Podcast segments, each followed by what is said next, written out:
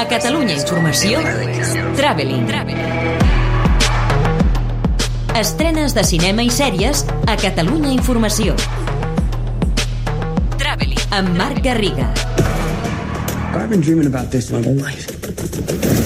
Giant's gold.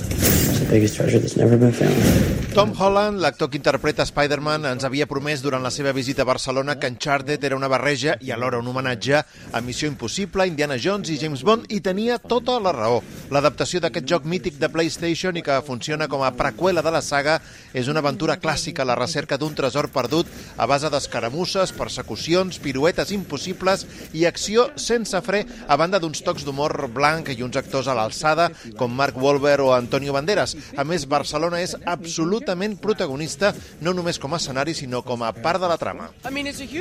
És una gran responsabilitat. Aquest personatge té molts seguidors arreu del món. El videojoc ha venut 14 milions de còpies, de manera que interpretar aquest personatge és un honor immens. Estic encantat que m'hagin donat l'oportunitat de fer-ho i estic molt orgullós del que Sony ha aconseguit trencant els estereotips de la franquícia. M'encanta presentar-la aquí a Barcelona, una de les meves ciutats preferides.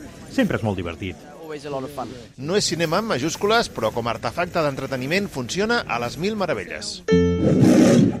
It's a god-awful small affair. Licorice Pizza és el nou film de Paul Thomas Anderson, el de Pous d'ambició, Magnolia o Boogie Nights. Per tant, director de prestigi al darrere que ha aconseguit que les seves estrenes se celebrin gairebé com a autèntics esdeveniments.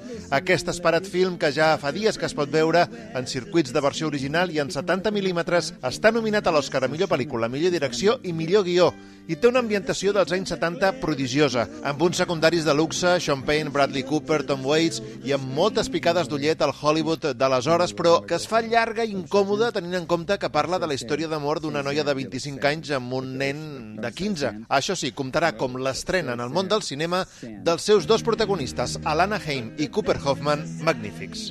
Carlos,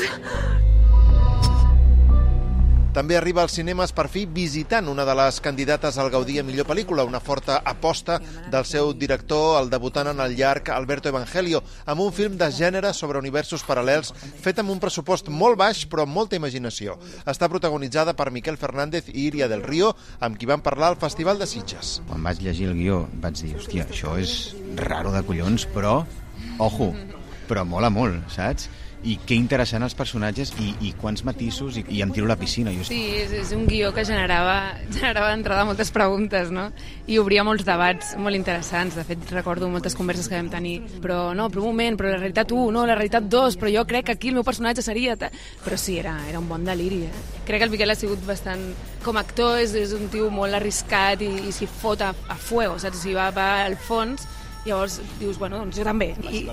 Ves tu primer, No, no, no, però clar, sí, sí, literal, literal. Completa la cartellera el pertorbador drama francès Un amor intranquilo sobre un matrimoni que s'estima amb bogeria però que han de lidiar amb la malaltia mental d'ell i en com afecta això al fill de la parella. Amb dues excel·lents actuacions de Leila Bekti i Damien Bonnard, tots dos nominats al Cèsar de l'Acadèmia Francesa. Dos directors de renom estrenen directament a plataformes. Jean-Pierre Genet, el d'Amélie, a Netflix, amb Big Buck, una altra comèdia estrambòtica situada aquest cop en el futur, on una família desestructurada queda tancada a casa seva pel seu robot per protegir-los de la rebel·lió de les màquines que hi ha a l'exterior.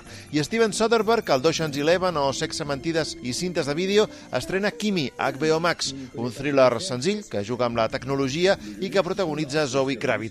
I a Filmin arriba una de les sorpreses de la temporada, Després de l'amor, nominada a quatre BAFTAs, entre ells el de millor film britànic del 2021. We might have a story. Her name is Anna Delvey, or Anna Sorokin, no one's sure. Pel que fa a les sèries, la més esperada és Quién és Anna, de la factoria Shondaland, la mateixa de Los Bridgerton i Scandal, a Netflix, la història real d'Anna Delvey, una noia que va ser detinguda per enganyar l'alta societat novaiorquesa, alegant ser una hereva llegendària alemanya, una història molt curiosa que podria haver estat magnètica si no fos perquè els seus capítols eh, duren de forma innecessària més d'una hora i acaben cansant. A més, Amazon Prime s'estrena la comèdia romàntica With Love, a Filmin la curiosa comèdia de ciència-ficció OVNIs, a Disney Plus el drama coreà Snowdrop i HBO Max el flush thriller La xica de antes. Traveling. Estrenes de cinema i sèries a Catalunya Informació. Amb Marc Garriga. Yes, I'm a cold piece looking for a Mr. Freeze to get froze like me.